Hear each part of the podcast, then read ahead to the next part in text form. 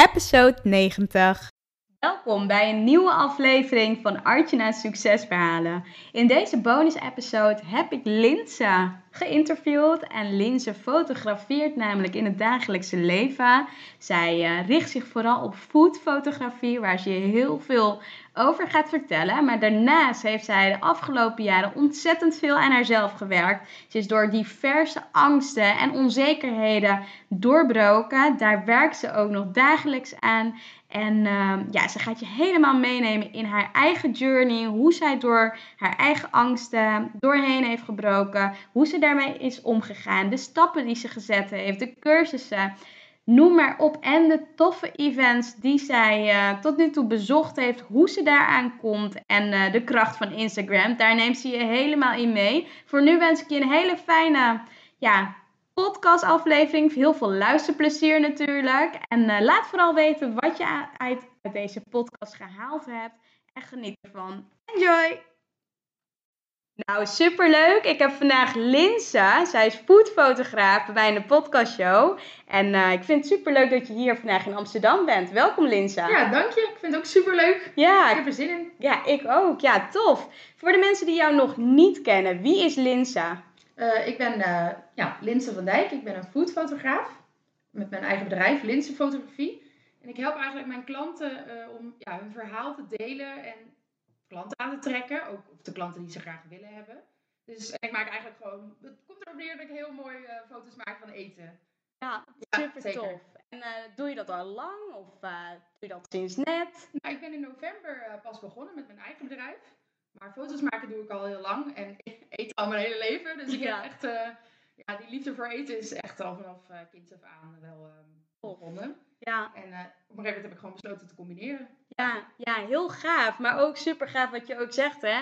Passie voor eten, passie voor fotograferen. En dat gecombineerd te hebben, daar, daar ja, daar heb je dus eigenlijk nu een ideale ja. baan van ja, gemaakt. Zeker. Ja, En ik vind het ook gewoon zo mooi om wat ik zie in eten en die liefde die ook chef Cox en foodbloggers hebben echt voor dat eten. Om dat dus echt te delen. Ja, ja. vind ik mooi. Mooi, super gaaf. En waar, uh, ja, waar woon je nu op dit moment? Ik woon in uh, Amsterdam. Ja. Dat uh, ligt tussen Dordrecht en Rotterdam in. En ik woon daar nog thuis bij mijn ouders met twee katten. Leuk, ja. ja, superleuk. En heb je altijd ook daar gewoond? Of hebben jullie ook op andere plekken in Nederland gewoond? Nee, ik heb daar eigenlijk altijd gewoond. Ik ben geboren in Dordrecht, maar ik ben daar echt wel uh, opgegroeid. Ja, ja, leuk, leuk. En als je bijvoorbeeld kijkt naar het mooiste plekje waar je tot nu, toe, uh, tot nu toe bent geweest in je leven, ergens op de wereld en wat je iedereen aanraadt, wat is dan dat uh, mooiste plekje voor jou? Ja, het zijn er eigenlijk twee, want ik kon dus niet zo heel goed kiezen. Uh, ja, qua eettechnisch en cultuur zou ik echt Rome aanraden. Iedereen. Oh, ja. Qua geschiedenis ja. ook. Ik ben er al heel vaak geweest. En ook uh, met de middelbare school echt twee weken lang. Dus echt ja, per voet zeg maar door Rome getrokken. Ja. Dat vond ik echt uh, fantastisch. En kan je dat ook echt met, met de voet bewandelen? Kan, ja, als yeah? pubers zeg maar. Mijn klas kan het zeker. Maar we waren wel allemaal natuurlijk echt kapot aan het einde van die... Ja. Van die nou, we hebben eigenlijk een week in Rome doorgebracht. En de rest in andere steden in Italië. Ja. Maar het kan zeker. Maar ik zou nu uh, aanraden de metro, metro te pakken, want het is wel veel. Ja, ja maar het ja. is echt heel Maar het is wel te doen, het is wel leuk. Ja, en, het is echt een hele toffe stad. En het punt is dat er ook op zoveel plekken te zien is. Dus ook als je gaat lopen. Je hebt eigenlijk heel veel kerkjes, heel veel architectuur. Dus het is, ja, het is gewoon prachtig. Het is gewoon mooi. Ja, ik vind het een hele mooie stad. En ja, als je echt uh, rust zoekt, zou ik echt uh, de Lofoten aanraden en de Vesteralen in Noorwegen. Dus ik ben daar um, vorig jaar drie weken geweest. En ja, die rust die je daar voelt. En die kalmte in die natuur, die heb ik nog nergens anders echt um, gekregen, zeg maar. Ja, nee. ja mooi. En um, ja, in welke periode zou je Noorwegen bijvoorbeeld aanraden? Nou ja, weet je, de Vesteralen is bijvoorbeeld en de Lofoten, het is daar qua weer altijd een beetje, je weet het nooit zeker. Maar wij uh, waren in het voorjaar en dat zou ik wel aanraden, want in de zomer is het dus heel, uh, ja, de Lofoten zeker, is heel druk met toeristen. Oh ja. ja. En het viel bij ons nog mee. Dus als je net voor het uh, hoogseizoen gaat of net na het hoogseizoen, dat is wel het beste. Ja. Tenzij je orka's wil zien, dan moet je in de winter. Oh ja, oh tof. Maar ja. dan sneeuwt het echt, dan ligt er ja. echt een hele dikke laag sneeuw. Ja. Ja, mooi, mooi. Ja. En ook wat je zegt hè, over Roma. Ik ben er zelf nog niet geweest, maar het staat zeker nog ja, op mijn lijstje. En een aantal dagen. Dus vaak zie je ook dat je een aantal dagen natuurlijk naar Rome kan gaan. Raad je dat dan aan of zou je zeggen van nou pak er toch wel echt een week voor, want het is veel te mooi om daar maar een lang weekend te zitten? Nee, ik denk dat je in een lang weekend al wel heel veel kan zien hoor. Want wij kregen natuurlijk ook heel veel lessen. En ik, bijvoorbeeld dat ik in musea moest tekenen. Dat ik de beelden ging schetsen en zulke soort dingen. En je bent natuurlijk met een groep, dus je verzamelt overal. Dus ik denk als je gewoon met eh, zelf gaat, dat je in een paar dagen wel eh, veel, Veel kunt zien. ziet. Kijk, en je Ja. kan een week doorbrengen en heel veel zien. Maar ik denk dat een paar dagen ook al heel erg tof is. Ja, ja. En het eten natuurlijk, eten, hè? ja. Ja, dat wou ik En net koffie zeggen. en ijsjes. Ja, ja. ja. Ja, Als fervent ijsjes. koffiedrinker word je Ja. echt gelukkig. Zeker. Ja, ja, tof. Supermooi. Nou, waar ik ook benieuwd naar ben, is stel je wordt 100, en we hebben het net volgens mij voor de podcast ook al gehad, stel je wordt eh 50, 60, 70, 80, maar nu dan, stel je wordt 100 en je kijkt terug op je leven, wat zou dan het, hetgeen zijn waar je het meest spijt van zou hebben als je dat niet gedaan hebt en wat je het liefst nog graag wel wilt doen? Nou, waar ik het meeste spijt van zou hebben, is denk ik. Ik heb mezelf heel lang niet toegestaan om fouten te maken. En daardoor deed ik eigenlijk ook. Pakte ik niks aan omdat ik het niet durfde. Dus dat is iets waar ik op dit moment nooit meer spijt van zou hebben. Dat ik gewoon het lef heb om echt fouten te durven maken. Ja. Ja, zeker. En wat voor fouten? Alles eigenlijk. Ik, denk dat het gewoon in je hele leven heel belangrijk is. En in ondernemen, kijk, soms doe je iets. Of heb je bijvoorbeeld een, een gesprek met een klant waarvan je denkt, ja shit, dat had ik echt anders aan moeten pakken. Ja. Ja, ik, ik probeer daar niet meer mee te zitten. Dus Ja. zulke dingen, dat je echt ook toestaat om gewoon dingen te gaan doen die je eng vindt en die je spannend vindt. Want je gaat fouten maken. Ja, En ik zeker. vond het ook heel mooi nu, ehm The Call to van Brene Brown. Staat Ja. op Netflix. Ja, ik zou het echt iedereen aanraden. Maar zij zegt het ook, als je je kwetsbaar op gaat stellen en je gaat dingen doen, dan ga je falen. Dat is, dat is gegarandeerd. Klopt. Het punt is alleen, durf je dat? Ja. Ja. Ja, mooi. En wanneer is dan die shift voor jou ontstaan? Want je gaf aan van ja, vroeger vond je het best wel lastig om fouten te maken. Op een gegeven moment ben je dat gaan accepteren. Wanneer was voor jou eh, de omslagpunt of eigenlijk de pijn te groot om dus gewoon te accepteren dat fouten maken gewoon menselijk is en normaal? Ja, dat blijft wel een beetje een eh, puntje voor mij. Want ik ben eigenlijk van nature als kind al ontzettend perfectionistisch. Zeg maar 99% is niet genoeg. Ja, Maar dat hield, hield mij ook van om dingen te proberen. Omdat ik dacht, ja, ik kan het toch niet zo als ik het wil. nee. En dat heeft echt lang geduurd. En ik denk dat ik niet afgelopen najaar, maar het jaar daarvoor, dus anderhalf jaar geleden, een burn-out heb ik toen gehad, mijn tweede. En ik zat echt extreem diep in de put. En ik had paniekaanvallen. En ik zag echt geen toekomst meer voor me. En ik kwam op een gegeven moment op een punt dat ik eigenlijk hele dagen alleen maar aan het huilen was. En dat het echt gewoon niet goed ging. En toen dacht ik, ja, zo wil ik, zo wil ik niet leven, zeg maar. Er, er moet iets gebeuren zo. En toen uiteindelijk met de hulp van ook eh, therapie ben ik wel echt wat meer ook die angsten gaan aanpakken. En op een gegeven moment denk ik dat het gewoon dat je wat milder voor jezelf wordt op een punt. En Ja. dat kost wel veel werk, in mijn geval. Maar ehm, ja, dat is gewoon, denk ik, in de laatste anderhalf jaar wel echt eh, verbeterd. Ja, ja, zeker. En stel dat, eh, dat iemand nu luistert en denkt van ja, ik heb ook best wel paniekaanvallen of huilbuien. Of ik denk dat ik tegen het randje van een burn-out zit. Wat zou jij dan aanraden vanuit jouw eigen ervaring en de kennis die je nu tot nu toe hebt opgedaan, ehm, ja, door zelf hulp aan te pakken? Ja, ook echt zoek hulp. Ja, Probeer, en geef jezelf gewoon rust. En probeer ook niet soort van accepteer het. Het is oké dat, het, dat het even niet gaat. En het gaat op de duur heus wel weer beter. En, maar probeer het echt ook te accepteren. Want dat was echt een groot probleem van mij. Ik accepteerde niet dat ik me zo voelde. Ja. Ja. moest het beter? En waarom voelde ik me zo? En het moest beter kunnen. En ja, dat hield mij ook heel erg tegen. Om eigenlijk gewoon te zeggen, oké, dit is echt super kut. Zo is de situatie nu. Het is gewoon niet leuk. ja, ja. Maar vanaf daar kan je dan wel weer een soort van kijken naar wat je nodig hebt. In plaats van dat je alleen maar jezelf een richting op probeert te duwen. ja. Want dat werkt niet. Nee. Ja, super mooi. Mooie inzichten. En ook, eh, ik denk dat als, als iemand die hier naar luistert en denkt van, oh shit, ik zit in zo'n situatie, dat ze hier zeker wat aan hebben. En hulp vragen, dat is gewoon echt, eh, Ja. ja, belangrijk. Zeker ja. En belangrijk. praten met de Ja. mensen om je heen. Echt. Ja. Ja, Want ik had altijd het gevoel dat ik het soort van nee, zelf, niet zelf moest doen. ja, Mijn familie is echt fantastisch. Maar ik vond dat ik het zelf moest kunnen. ja. En ik wilde ze er ook niet mee belasten. En dat is eigenlijk, ja, dan ga je op een gegeven moment gewoon een beetje kopje onder. Ja, zeker. Super mooi. Mooie inzichten. Nou, ook waar ik ook benieuwd naar ben, is uh, Steve Jobs. Die had het namelijk in zijn bekende speech over connecting the dots. En hiermee werd bedoeld, als je terugkijkt op je leven, dan zijn er, ja, dan zijn er gewoon bepaalde dingen in je leven gebeurd wat jou eigenlijk heeft gemaakt tot, ja, tot Linse die jij vandaag de dag bent. En als jij terugkijkt op jouw leven, welke drie gebeurtenissen zijn dan zo doorslaggevend geweest voor waar jij vandaag de dag staat? Ja, ik denk, uh, hadden we moeite met kiezen. Want volgens mij, ik denk wel dat alle gebeurtenissen die je meemaakt in je leven gewoon leiden tot wie je bent. Het is gewoon een constant pad. Maar um, ja, drie belangrijke gebeurtenissen is toch wel de, het feit dat mijn moeder borstkanker heeft gehad. Toen ik op de middelbare school zat. En die heeft toen een uh, dubbele amputatie gekregen en uh, is geopereerd. En ja, dat was voor mij heel heftig, want mijn band met mijn moeder is heel goed. En uh, ja, ze is alles voor me. Nog steeds eigenlijk gewoon. Onze band is gewoon echt fantastisch. Ja. En om, denk ik, als kind te merken dat je moeder een soort van zo ziek is. En er misschien ook wel niet meer... Ja, je weet het niet zeker. En die angst zit er toch. Dat ze er misschien op een dag niet meer is. Het geeft je in ieder geval heel erg zichtbaarheid op, op het feit dat, dat we allemaal sterfelijk zijn. Ja. En ik merkte dat dat me nu heel erg heeft gevormd in het uh, feit dat ik denk, ja, het leven is ook te kort. En je weet nooit wat er gebeurt. En ik zou het vreselijk vinden om er op mijn tachtigste achter te komen. Dat ik denk, shit, had ik nou allemaal nog maar? Of dat ik denk van dat ik het gevoel heb dat alles wat erin zit, wil ik er gewoon uit kunnen halen. En soms lukt dat en soms natuurlijk niet. Ik bedoel, dat, je blijft ermee bezig. Ja. Maar ja, dat zou ik echt heel erg vinden. Dus dat heeft zeker heel veel invloed gehad. En een uh, tweede ja. gebeurtenis is denk ik toch een burn-out. Ik heb er twee gehad. Eentje aan de hand wel, die kwam wel een beetje aan de hand van uh, mijn moeders ziek zijn. En de andere was eigenlijk anderhalf jaar geleden.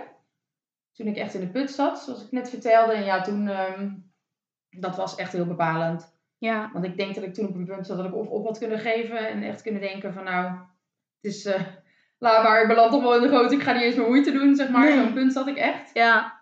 Of wat ik nu heb gedaan, dat ik dacht, nee, dit, dit gaat niet goed. Ik moet dit anders gaan doen. We gaan ervoor. Ja. ja. En een derde gebeurtenis is eigenlijk, um, ja, heel uh, luchtige gebeurtenis. Superleuk. Is dat ik dus uh, vorig jaar ergens gevraagd werd om um, eerder de Brabander te helpen met een camera. Even uitleggen. En met het uh, opstarten van een project. En dat was eigenlijk bij mij een beetje de katalysator. Waardoor ik dacht van, nou, dit wil ik, dit wil ik doen. Ja. In mijn vak. Ja. Goed foto's maken. En andere mensen helpen met het maken van foto's. En uh, ja, dat. dat. Gaaf. Dus dat was eigenlijk wel uh, de gebeurtenis waardoor ik me besloot in te schrijven. Ja, ja en inschrijven. Ja, super mooi. Want ook, um, ja, hoe ben jij op een gegeven moment benaderd? Want kenden mensen al, ja, kenden mensen jou al van het maken van foto's? Of ja, hoe wist, hoe wist eigenlijk de partij waarmee je toen uh, bent gaan samenwerken dat jij al foto's maakte? Nou ja, dat is uh, blijft een beetje. Ik vind klanten zoeken sowieso best nog lastig. Ik vind dat best een moeilijk, moeilijk ding. Omdat ik van nature gewoon heel erg in de creërend ben qua foto's en zo. Dus dat is een, een leerproces. Maar in het geval van uh, ja, Hidde de Brabander zag ik eigenlijk op een cursus. Ik deed een workshop Noga bij hem. Dat zou ik trouwens oh, ja. iedereen aanraden, want het is heel leuk. Ja. En um, toen lieten we wat vakantiefoto's zien. Dus op die manier. En ik merk nu dat klanten dus ook komen via Instagram of Ja. um, via via. Ja, Ja, klopt, dus ik ja. heb bijvoorbeeld vorige week een foodbloggerstoer geschreven, eh, geschreven, geschoten. ja. En eh, ik merk nu dat ik dus daarvoor voor maandag ook weer een, een klant heb om Oh, foto's voor te super maken. gaaf. Dat kwam via ja. via, ja. Ja, Dus omdat iemand, een van de bloggers attendeerde me erop, dat er iemand, een andere blogger, een fotograaf zocht. Ja, ja, dus via via. Ja. Ja. zeker gaaf. Want ook wat ik wel merk, ik heb natuurlijk ook, volg jou natuurlijk ook op Instagram. En je post super mooie foto's Thanks, over eten. Elke keer als ik het ook voorbij zie komen, af en toe zit ik dan ook gewoon op je profiel te kijken. denk ik, ja, ja ik krijg er wel honger Ja, dat van. van heel veel mensen. Zeg ik altijd, ja, sorry. Of eigenlijk sorry, not sorry. Ja. Maar inderdaad, ja, ik krijg heel veel van heel veel mensen van, oh god, kom je weer. Ik krijg zo'n trek van je. Ja, ja, ja. Ja, Sorry, ja maar je maakt hele mooie foto's. Ja. Echt, eh, Ja, het ook gewoon zo leuk. Ja. Ja, ja, gaaf. En als je bijvoorbeeld foto's schiet, hè, op gebied van, eh, ja, foodfotografie. Kijk jij dan ook naar bepaalde dingen, zoals kleurencombinaties of uh, hoe dingen staan of hoe dingen liggen? Is dat belangrijk voor het schieten van een goede foto? Ja, dat is echt uh, heel belangrijk. Sowieso is het belangrijk om een verhaal te vertellen met je foto. En het wisselt een beetje wat je doel is. Want soms vind ik het heel erg leuk om gewoon één ingrediënt, zeg maar met een macro lens, gewoon op ja. dat je ziet wat er gebeurt. Maar als je echt een verhaal wil vertellen voor, voor een merk of voor een klant, dan is het ook belangrijk van nou, welke props gebruik je um, om echt het verhaal te vertellen van die klant. Dus gebruik je, zet je wat te drinken naast, uh, bestek, hoe leg je het neer, wat voor kleuren gebruik je inderdaad. Ja. Um, compositie is echt uh, heel belangrijk. Hoe valt het licht? En dan je nabewerking natuurlijk. Ja. Maar ik merk ook, ik heb heel, vrij veel eh, kunstonderwijs gehad al, eigenlijk vanaf kind af aan. Mijn ouders waren heel, um, ja, die stimuleerden mij en mijn tweelingzus daar heel erg in. Dus ik heb heel veel echt lessen gehad in kleurgebruik en composities. En ik merk dat dat allemaal toch wel heel erg nu van pas komt. Ook inderdaad met je kleurcombinaties. Nou, welke kleuren kunnen goed bij elkaar? Welke kleuren versterken elkaar? Welke kleuren moet je eigenlijk niet bij elkaar doen? Bijvoorbeeld stel dat je nou, een rode tomaat hebt. Als je die onder, op een rode ondergrond legt, dan valt het weg. dan lijkt hij niet meer zo rood. Terwijl als je hem bijvoorbeeld met blauw tegenover blauw hangt, ja, dan is het alweer heel anders. Dan ja. popt het echt, zeg maar. Dus ja, dat heb ik zeker. Um, de inzichten. Uh, ja. ja. Ja, mooi. Ik word bijvoorbeeld dus ook heel erg geïnspireerd door Rembrandt. Oh ja. Dat is ja, heel, ja, dat Rembrandt heel is anders, maar ja, dat hij kan heel goed met licht werken. Ja, echt ja, dat is zo belangrijk. ja, versus dat licht. En dat gebruik ik dus ook heel veel. Ja, ja, super mooi. Want daar, dat schoot me net ook te binnen. Ik dacht, ja, je moet dan natuurlijk, ja, ondanks je natuurlijk hele mooie foto's schiet, moet je wel heel veel kennis hebben van kleuren, van lichtinval. Uh, ja, hoe breng je warmte over? Hoe, of hoe breng je eigenlijk over wat je over wil brengen? Dus daar, uh, ja, ja, ja. mooi, super mooi. En uh, nou, waar je ook uh, volgens mij in het verleden mee te maken hebt gehad, en dat gaf je net ook al aan, dat waren angsten en onzekerheden. En hier heb je de afgelopen jaren mee gedeeld. En kun je hier iets meer over vertellen en eigenlijk hoe jouw journey daarin is geweest en uh, hoe je vandaag de dag eigenlijk in je leven staat? Ja, zeker. Ja, ik denk dat ik uh, wel heel gevoelig ben inderdaad voor angsten en onzekerheden. En ik merk ook dat ik echt ook nu nog na al die jaren nog steeds echt wel heel veel last heb, kan hebben van angsten. en wat voor angsten? Ja, het vooral het niet goed genoeg zijn. En ik denk dat dat bij ondernemers sowieso best een, uh, een ding is. Want als kind denk je altijd uh, ja, dat je een soort van de enige bent die dat hebt. En zeker als je dan begint met ondernemen, denk je ook, als je naar al die succesvolle ondernemers kijkt, van oh shit. Maar ja, eigenlijk kom je er op een gegeven moment achter dat iedereen eigenlijk gewoon best wel veel angsten heeft. Ja. En ik merkte dat het bij mij wel is ontstaan al als kind omdat ik echt wel uh, faalangst had. Omdat ik wel altijd... Ik heb me altijd een beetje alles gevoeld op de basisschool. En ik sloot wel aan met klasgenootjes, maar het was nooit echt 100%. Ik ben ook wel gepest. En dat, uh, ja, dat perfectionistische in mij tegelijkertijd zorgde ervoor dat ik toch wel ja, op een gegeven moment gewoon een soort van vorm van faalangst ben ontwikkelen. En die heb ik eigenlijk nooit aangepakt. Omdat ik altijd dacht van, nou, dat gaat allemaal helemaal prima met mij. Ja, ja. Totdat ik dus op een gegeven moment op de middelbare school kwam. En um, een jaar ben blijven zitten toen. En met een burn-out. Toen, begon het allemaal dat ik dacht, oh, shit. Ja. Zeg maar. Maar goed, ik heb uiteindelijk HAVO afgemaakt. Uh, ik heb uh, het gymnasium niet gehaald, maar wel de HAVO gehaald uiteindelijk. En Super toen heb ik verschillende... Ja, prima natuurlijk. Het is natuurlijk helemaal prima. Maar ik was in een omgeving waarin heel veel van mijn vriendinnen oh, ja. allemaal gingen studeren. Ja. Ja, en ik niet. Ja. Dus dat was best wel al een ding dat ik dacht van, oh shit, iedereen studeert en uh, dan ben ik hier uh, soort van nog aan het uh, knurften. En um, daarna heb ik verschillende opleidingen gedaan en die heb ik niet afgemaakt. En de laatste was goudsmeden en daar heb ik echt ja, drie, vier jaar ben ik daar, heb ik daar echt opgezeten. Maar toen kon ik door mijn reuma mijn handen eigenlijk niet goed genoeg gebruiken daarvoor. Ik had daar gewoon veel last van. En het is gewoon een vak waar je echt ja, je handen nodig hebt. Ja, echt je handen nodig hebt, maar ook veel kracht op je handen moet zetten. Ja. Want fotograferen vind ik ook je handen nodig, maar dat is veel minder kracht zit erop. Want ja. en buigen en de tangen en de gang, dat is gewoon zwaar werk. En dat ging niet meer. En toen kwam die angst wel echt heel erg binnen dat ik dacht, oh shit, ik ben nu 24, 25. Wat moet ik doen met mijn leven? Ja. En toen kwam dus ook die tweede burn-out, omdat ik eigenlijk, ik was mezelf helemaal kwijt. Ik wist niet meer wat ik wilde. En uh, ik dacht, ja, die toekomst, er komt nooit meer iets van terecht. Ja dat, dat gebeurt niet meer. En ja, toen uiteindelijk die angsten ben ik echt gaan aanpakken inmiddels de therapie, maar ook toch wel veel eh, boeken gelezen en heel veel geprobeerd. Ja. Ook. Super mooi. En heb je Ja. een boekentip? Ja, ik heb heel veel boekentips eigenlijk. Maar ik vind ehm, ja, De Edele Kunst van Not Giving a Fuck echt Oh ja, geweldig. Van. Mark Manson.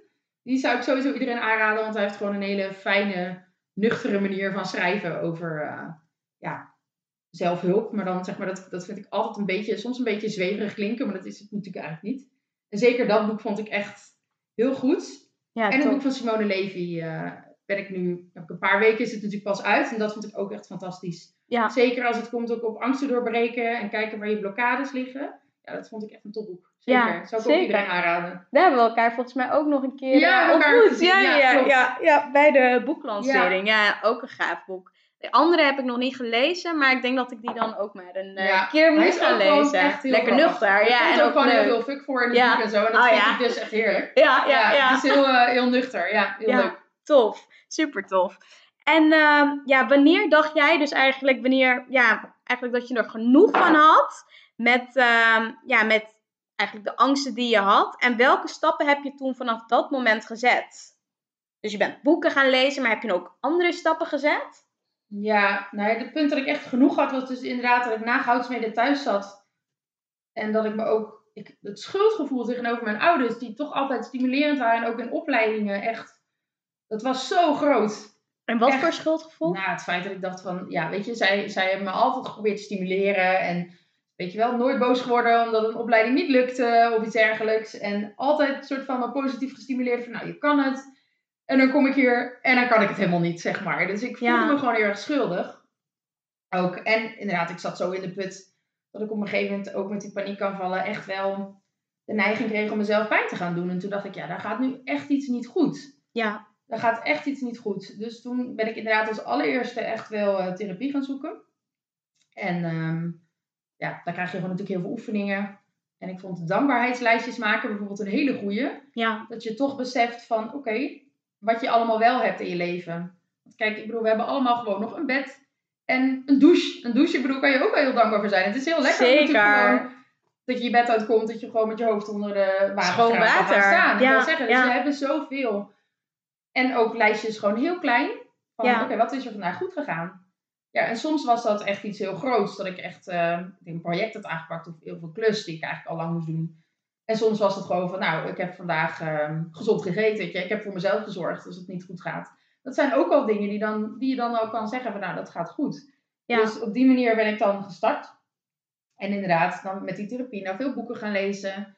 En veel mensen opgezocht waarvan ik denk die ik inspirerend vind. Ja. Dus het belangrijkste tip ook is als je social media gaat, mensen die je een beetje ongemakkelijk gevoel geven. Of waarvan jij je minder waardig gaat voelen, ontvolgen meteen. ja, ja. Want dat vergelijken, dat is denk ik van ons allemaal trouwens best een uitdaging nog. ja. Zeker met de social media.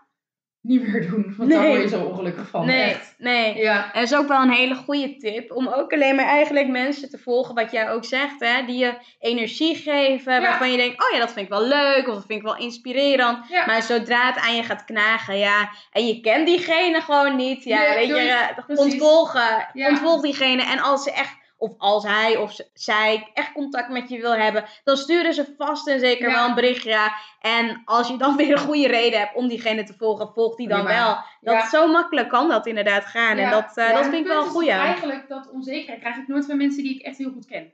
Nee. Want dan zie je een soort van meerdere kanten. Het, Ja. komt, pas, het komt pas op het moment dat je een soort van social media natuurlijk maar één kant van iemand ziet. Ja. En je ziet iemand super succesvol zijn, maar zijn of haar shit zie je eigenlijk niet. Nee. En daar ontstaat het dan, dat je denkt van ja, zij kunnen allemaal wel super succesvol zijn en ik dus niet. Ja. Terwijl dat is natuurlijk, iedereen heeft zijn dingen om mee Heeft te ze ups dealen. en downs. Ja, zeker. ja, helemaal waar.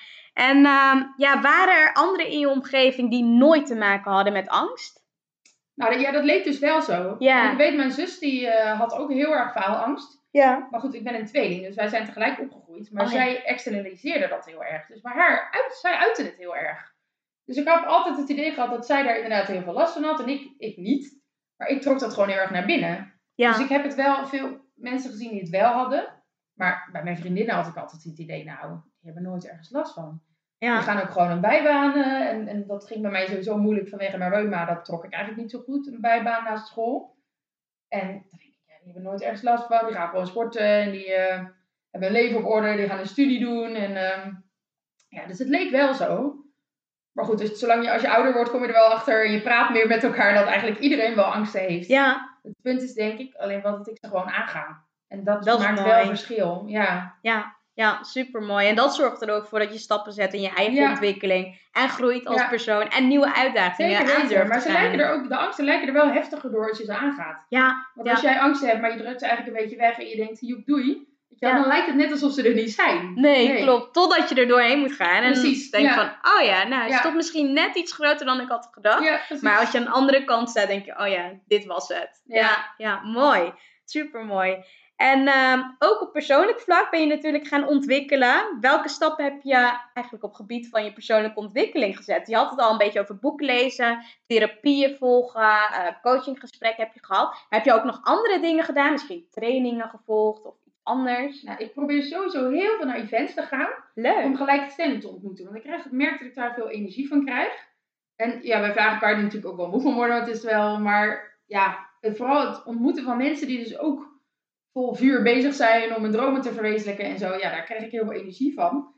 En ik merk dat dat me ook weer inspireert om stappen te zetten. Ja. Dus dat werkt. Trainingen inderdaad. Ik doe heel veel workshops en heel veel dagen en trainingen om toch, ja, gewoon mezelf weer vooruit te helpen. Mooi. En ik merk dat dat heel erg werkt.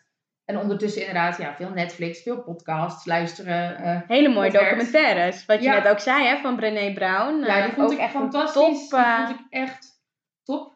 Ja, maar ook gewoon, ja, bijvoorbeeld jouw podcast luister ik heel graag. Leuk. Ja. En uh, ja, ik vind dat gewoon, ik probeer dan ook wel de acties die er aan hangen te ondernemen, doen. Te doen, Want ja. je kan ook heel ja, veel soort van allemaal op tot je nemen, maar vervolgens niks uitvoeren, zeg maar. Nee, nee. Ja, dus dat probeer ik ook wel dan uit te gaan voeren. Ja, gaaf. En uh, nou, stel dat er bijvoorbeeld nu ook iemand zit te luisteren en denkt van ja, maar events. Nou, ik zie er nooit eentje voorbij komen. Hoe kom jij erachter dat er een tof event weer is? Waar, uh, waar allemaal leuke, ja, leuke vrouwen of allemaal leuke gelijkgestemden naartoe komen. Waarvan je denkt, oh ja, daar moet ik ook naartoe gaan. Hoe hou jij jezelf op de hoogte van al die events? Instagram eigenlijk. Ja. Als je de mensen volgt die jij leuk en inspirerend vindt. En die volgen dan ook weer mensen die zij leuk en inspirerend vinden. En soms zit daar iemand tussen waar je denkt, oké, nou dit is niks voor mij. Maar heel vaak zit er ook iemand tussen waarvan je denkt, oh ja, die is ook superleuk en goed bezig. En nou, als je die dan weer gaat volgen, dan op een gegeven moment merk ik dat je echt wel ergens events tegenkomt. Want al die mensen die heel erg goed bezig zijn en die echt werken aan hun droom, die gaan naar events of die houden zelf een event, zoals jij dat Empower Me event hebt gehouden. Ja. Dat vond ik geweldig, weet je wel. Dus daar ben ik ook naartoe gegaan, omdat ik jou leren kennen via volgens mij Marleen. Ja, oh ja, leuk. Ja, ja. ja, Ik, zag haar, ik zag jou op haar Instagram, dus daarvoor had ik je eigenlijk nog nooit van gehoord. En toen dacht ik, wow, die is ook heel goed bezig. En zo gaat het eigenlijk. Ja, zo rolt het balletje. Ja, dat gaat heel goed. Ja. Dus eigenlijk via Instagram, dat is wel echt de grootste kanaal, of eigenlijk grootste uh, platform waar je en tof ondernemers kan ontmoeten, maar ook kan zien wie met allerlei dingen bezig is. Ja, ja. voor mij wel, ja zeker. Ja, mooi, superleuk. En um, ja, welke andere dingen? Ja, je hebt natuurlijk trainingen gevolgd. Wat voor trainingen of workshops volg jij het liefst? Ja, ik vind, dat, ik vind het heel leuk om. Um, ik vind vaktechnische workshops heel erg leuk ook. Maar daar ben ik soms wel een beetje kritisch op. Omdat ik denk, ja, kan ik, kan ik nou echt heel veel van jou leren? Ja. En ik heb het idee dat voor zeker workshops voor professionals foodfotografie, dat er nog niet zoveel is. Dat het meer soort van voor de bloggers inderdaad. En dus, nou ja, wat dat betreft, daar zou ik misschien wel een keer graag iets aan willen doen. Ja. Maar, um, en is dat misschien, een, wat jij ook zegt, hè? is dat misschien een idee om dat misschien zelf zeker, op te gaan ja, pakken? Zeker, dat is wel echt een droom die ik heb om echt een, iets van een uh, online fotografieprogramma te gaan uh, lanceren. Ja. Maar goed, dus ja, qua events denk ik dat ik het liefste toch wel persoonlijke ontwikkeling volg. Ja. Dus inderdaad over money mindset of over hoe je door je angsten heen breekt. Want ik merk altijd dat ik na zo'n event toch wel net even ietsje minder last heb van die, ja, van die angst van, van haal ik dit allemaal wel en gaat dat lukken, zeg maar. Ja, dat zit je eigenlijk hoger in je energie precies, in één keer. ja, ja. precies dat ja. Je zit gewoon hoger in je energie je hebt gewoon meer het idee van zo, dat ga ik allemaal even lekker aanpakken. Ja, ja, dus dat werkt. Super mooi. Ja, tof dat het zo goed voor je werkt. En ik denk dat, uh, dat heel veel mensen daar ook uh, zeker wat aan hebben. Ja, ja, ja tof. En uh, ja, werk je ook bijvoorbeeld op dagelijkse basis gewoon echt aan jezelf? En zo ja, wat doe je dan precies? Misschien heb je tips voor de luisteraars die denken: oh ja, ik wil eigenlijk op dagelijkse basis ook aan mezelf werken. Wat doe jij op dagelijkse basis aan persoonlijke ontwikkeling? Ja, op dagelijkse basis denk ik dat ik... Sowieso probeer ik iedere dag te beginnen met een idee van dat ik denk... Oké, wat kan ik vandaag doen? Is van een, een, een uitdaging. Of om mezelf beter te laten voelen. Gewoon een goede dag te hebben. Wat kan ik vandaag doen? En ik probeer gewoon heel regelmatig echt dingen te doen die ik eng vind. Echt, ik denk dat ik elke week wel iets doe waarvan ik eigenlijk denk van... Oh, dit durf ik helemaal niet. Dat is hetzelfde de podcast vandaag. Ik had van tevoren echt het idee dat ik dacht... Oh, shit. Ja, Super spannend, maar ik, ben- ik ga dat toch doen. ja. en En- het gaat lekker, Ja, het gaat hartstikke lekker. gaat Dus, super. ja, dus ik doe dat heel vaak. Echt dingen die ik eng vind. Ja, En ik denk dat het gewoon belangrijk is om eerst, voordat je überhaupt begint met persoonlijke ontwikkeling, echt te kijken, oké, welke gebieden in mijn leven ben ik nu niet tevreden over? En wat is mijn aandeel daarin? ja, Want zodra je soort van het af gaat schuiven en denken, ja, maar dit is me overkomen, dan, dan, gaat, het niet, dan gaat het niet goed komen. nee, nee. Want kijk, en natuurlijk, je kan bijvoorbeeld heel ziek worden. En dat overkomt je. En daar kan je niks aan doen. Maar je hebt wel invloed met, op hoe jij daarop reageert. Ja, en mee omgaat. Zeker. Absoluut. En dan bedoel ik niet dat je het weg moet schuiven en super positief moet denken van... eh, kan het allemaal wel hebben? Want ik bedoel, je moet ook juist ruimte laten voor die negatieve emoties. Maar goed, het is jouw verantwoordelijkheid hoe je met situaties dealt. En ik denk dat het dus heel belangrijk is om te kijken van... Oké, wat kan ik doen om dit te verbeteren? Ja, En ga dan eens kijken naar boeken of podcasts over dat gebied wat jij specifiek wil aanpakken. ja, super mooi. En als iemand bijvoorbeeld vandaag zou zeggen, nou, ik wil eigenlijk de eerste stap zetten in mijn eigen persoonlijke ontwikkeling. Wat zou dan de eerste stap volgens jou moeten zijn? Ik zei, ja, vooral ook dat. Dat je eerst gaat kijken van, oké, eh, wat wil ik eigenlijk verbeteren? Ja. Wat vind ik dat er niet goed gaat? Of wel goed gaat, maar zou ik me gewoon lekkerder door voelen? En ehm, ik zou als eerste denk ik beginnen met dankbaarheid voelen. Ja. Het is iets heel simpels.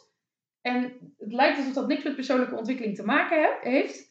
Maar ik denk zodra jij je meer bezig gaat houden met hoe dankbaar je eigenlijk mag zijn voor wat je allemaal hebt en wat er op je pad komt, hoe meer je ook open staat voor nieuwe dingen. Mooi, Ja. mooi uitgelegd. Ja, super mooi. En heb jij namelijk ooit ook boeken gelezen waar, ja, die eigenlijk gingen op gebied van angsten overwinnen? En heb je misschien een boekentip voor de luisteraar? Ik heb denk ik, ik weet niet of ik specifiek een boek heb eh, gelezen dat echt ging over alleen maar angsten overwinnen.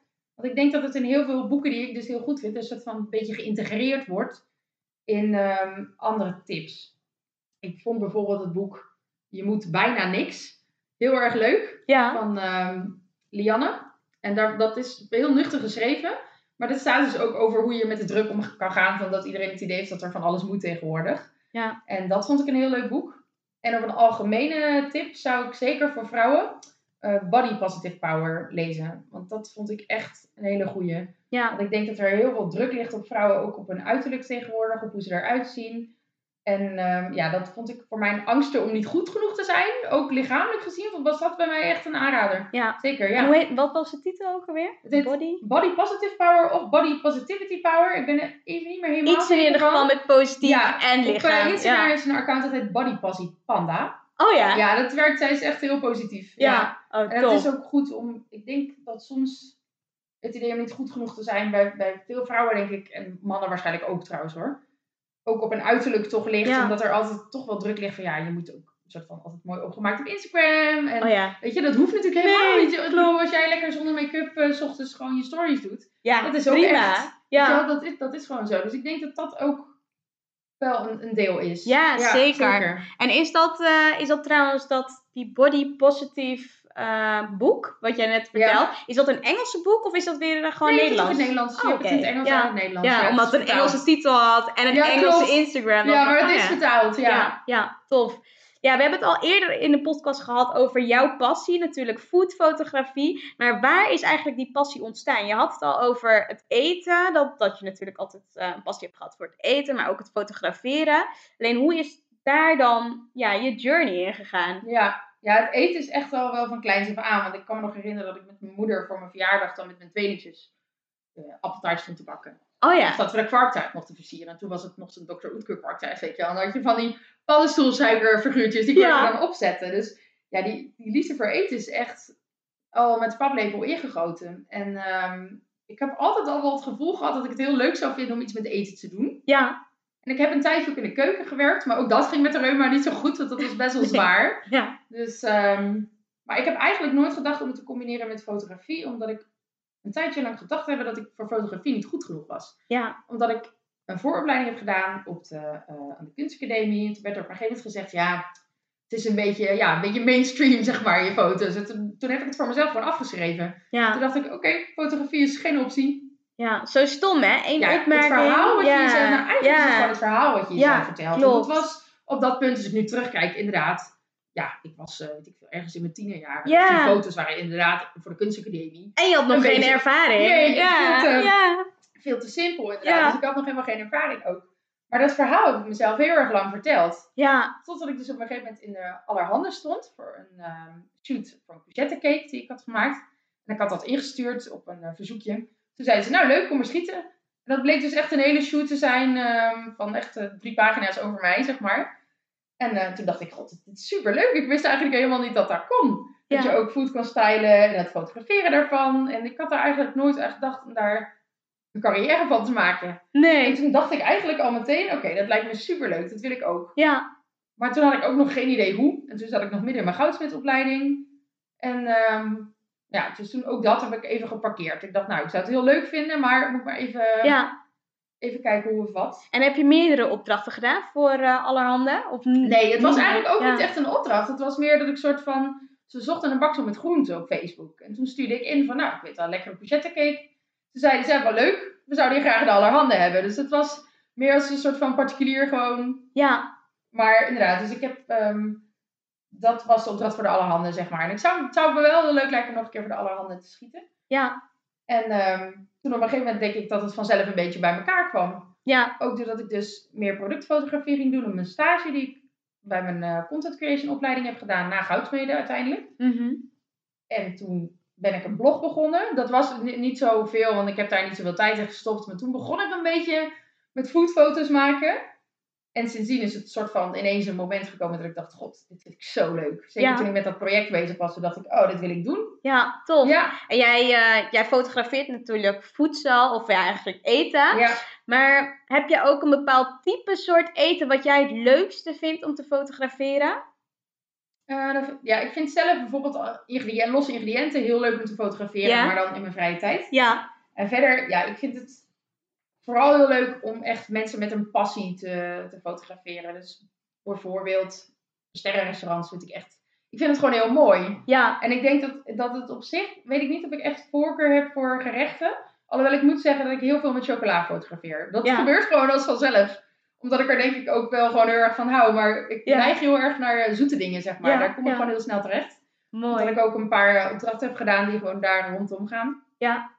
Maar ehm, ja, ik vind het vooral heel mooi om te werken met mensen met een passie. Ja. En dan denk ik dat het eten voor zichzelf spreekt. Ja. Ja. En werk je dan het liefst met bedrijven of werk je het liefst met particulieren als het om, eh, om het eten gaat? Ik vind de afwisseling eigenlijk heel erg leuk. Want ik heb dus voor een restaurant ook geschoten. eh, voor workshops bijvoorbeeld. En dat vond ik heel tof om te doen.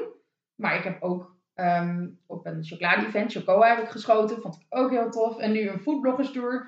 Afgelopen donderdag. En dat was ook echt gewoon heel gezellig. Want dat is weer een heel ander soort mensen. Ja. Maar die ook allemaal, die soort van ook allemaal wel zelf eten fotograferen en dergelijke. Maar die nooit foto's van zichzelf ook eigenlijk hebben. Niet zoveel tijdens Nee. de tour. Nee. Dus dat was ook heel leuk. Om dan eigenlijk me meer te richten op de mensen die ook met eten bezig zijn. In plaats van alleen het eten zelf. Dus ik vind Ja. de afwisseling gewoon heel leuk. Ja, tof, tof, leuk. En dat kun je natuurlijk ook allemaal natuurlijk terugzien op je Instagram. Zeker. Ja. Daar deel je natuurlijk ook heel veel eh, over. En wat is eigenlijk de belangrijkste les die je eigenlijk tot nu toe in je ondernemersavontuur of op weg naar je ondernemersavontuur eh, hebt geleerd en eh, wat je ook nu wilt delen? ja, durf denk ik. Ja, Durf te gaan voor wat je wil en voor je dromen. En, en durf ervoor te staan. En ook weet dat je gaat falen. Weet dat er dingen misgaan. Maar ondanks dat ga het toch aan. Ja, ga, ga er gewoon voor. Ik bedoel, je hebt maar één leven. Het is, het is kort.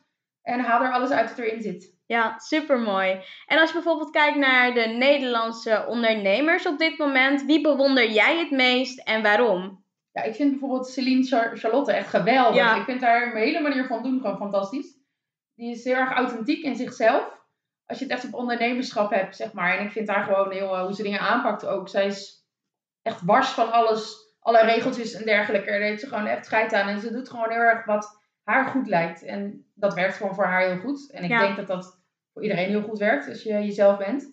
En ik vind haar cursussen ook gewoon super waardevol. Ja, Dus de online. Insta Academy is echt, dat werkt gewoon heel goed. Je krijgt daar heel veel eh, tips van. Ja, Heel praktisch ook. En ik ik vind gewoon, het lijkt me een heel leuk mens ook. ja, ja zeker. Ja, zeker. Mooi. En stel, ehm, even kijken hoor. Hoe zou jouw leven eruit zien als er gewoon vanaf morgen geen internet meer zou bestaan?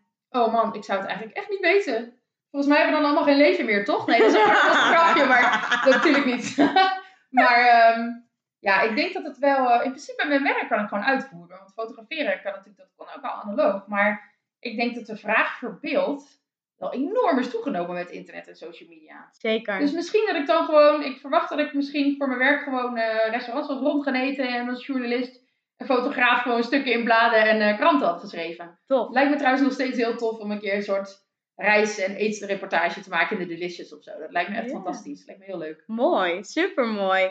En hoe ga jij zelf om met kritiek? Heb je daar vaak mee te maken? En als je dat dan krijgt, ja, wat doe je dan?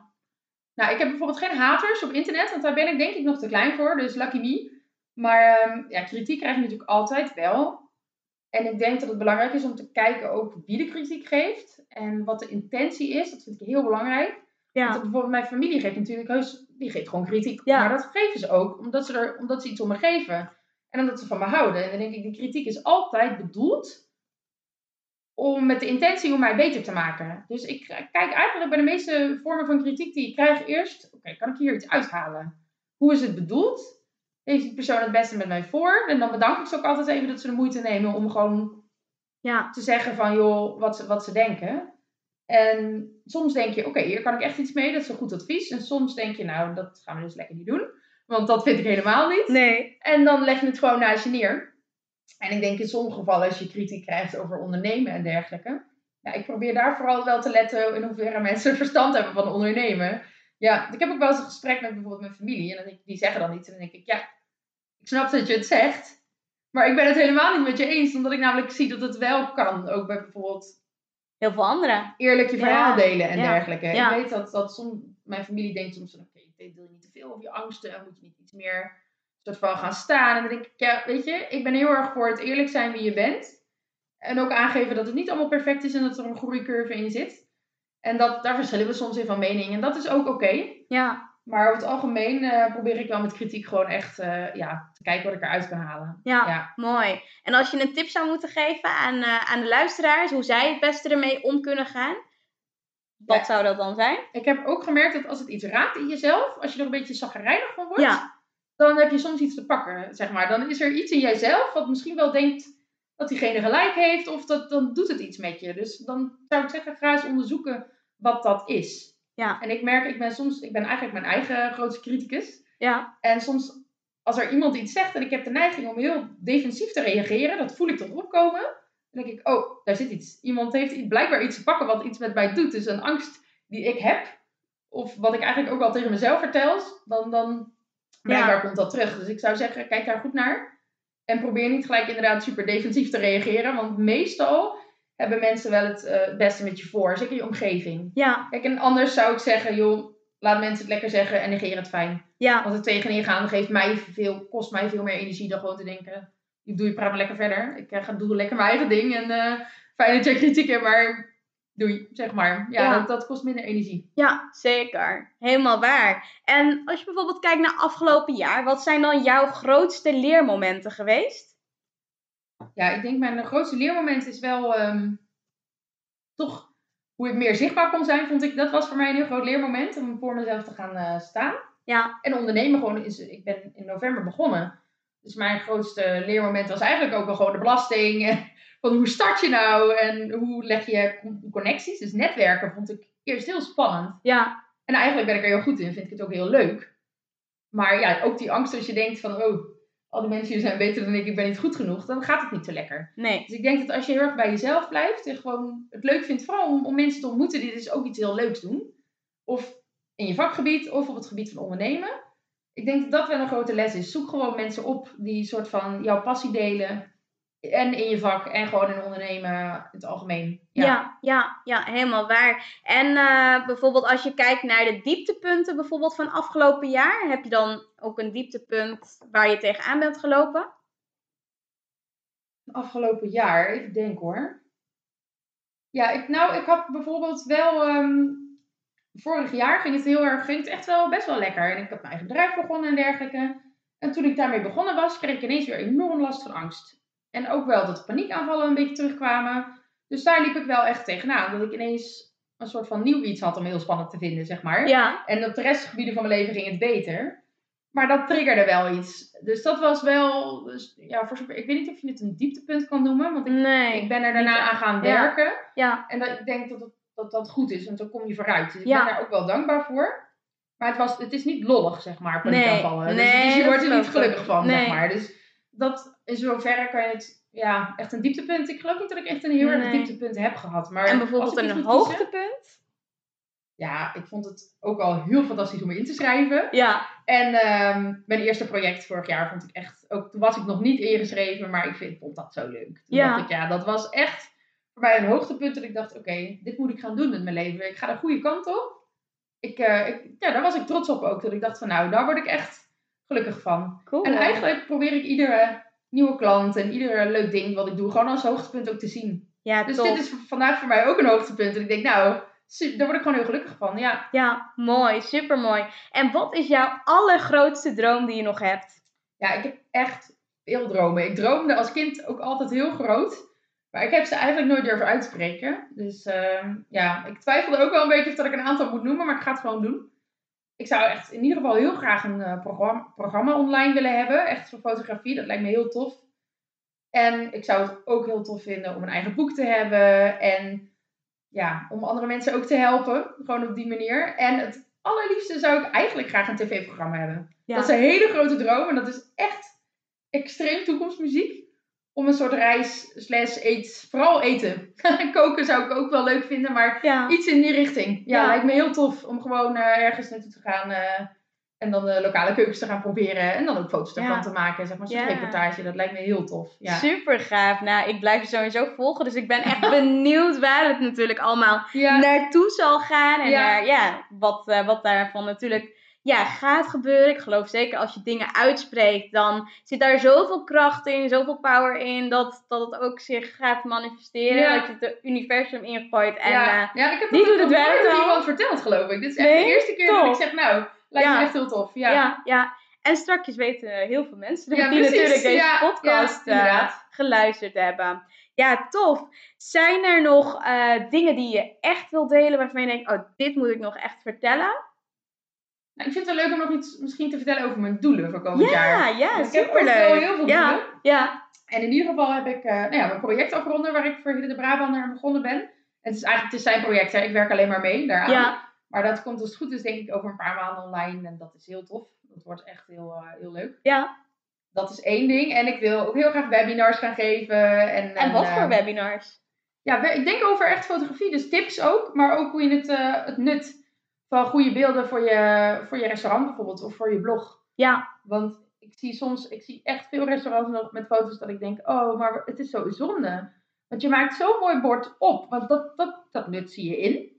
Om een bord mooi op te maken voor je gasten. En vervolgens post je het op social media en dan is een foto dat ik denk, ja, dat is jammer. ja, Weet je, dat, en ik denk dat met een paar tips ook gewoon restaurateurs en, en bloggers gewoon betere foto's zouden kunnen maken. En dat zou me ook wel heel erg leuk lijken op die manier. Om dat te doen. Ja. En ik wil heel graag een magazine eigenlijk zelf. Dus dat ga ik echt wel, daar ga ik wel mee starten. Gaaf. Ja, Klinkt, eh, klinkt fantastisch. Ja. Leuke doelen. Ja, zeker. doelen. Ja. Ja. en ook leuk dat je daar nu al mee aan de slag gaat. En dat dat allemaal ideeën zijn die al- allemaal in je Ja. oppoppen. ja en, heel eh, veel ideeën. De uitvoering is altijd een soort van eh, de uitdaging, zeg maar. ja. Ja. Ja, Nee, tof. Superleuk. Ik wil je sowieso bedanken natuurlijk voor dit toffe gesprek. Ik vond het echt heel leuk. Ja, vond ik heel leuk. Ja, gezellig. Ja, heel graag. Heb jij nog ook een afsluitende les of tip of takeaway wat je mee wilt geven aan de luisteraars? Ja, ik denk, besef je dat iedereen angsten heeft, dat je niet uniek bent daarin. Dat het echt, want het voelt soms heel, eh, nou, soms heb je het gevoel dat je de enige bent die, die worstelt met die dingen. Maar dat is natuurlijk niet waar. En praat erover met mensen. Ook, ook over je, gewoon je hele onderneming en je, je journey. Want Ja. het is ook leuk om dat met mensen te delen. En durf kwetsbaar te zijn. Ja, Ja, mooi. Mooie afsluiting. Waar kunnen de mensen je vinden als ze je, ja, als ze je willen zoeken? ja op eh, Facebook en op Instagram met linse.fotografie. Ja, daar kun je me sowieso vinden. En mijn website, ook linsefotografie.nl. En ik sta altijd in voor berichtjes en koffie drinken vind ik altijd eh, leuk. Dus als iemand daar zin in heeft, dan hoor ik het zeker. Ja, super gaaf. Nou, dan wil ik je bedanken voor dit toffe gesprek. Ja, jij en, ook? eh, ja, ik vond het super Ik leuk. vond het ook heel leuk. Dankjewel. Ja, top.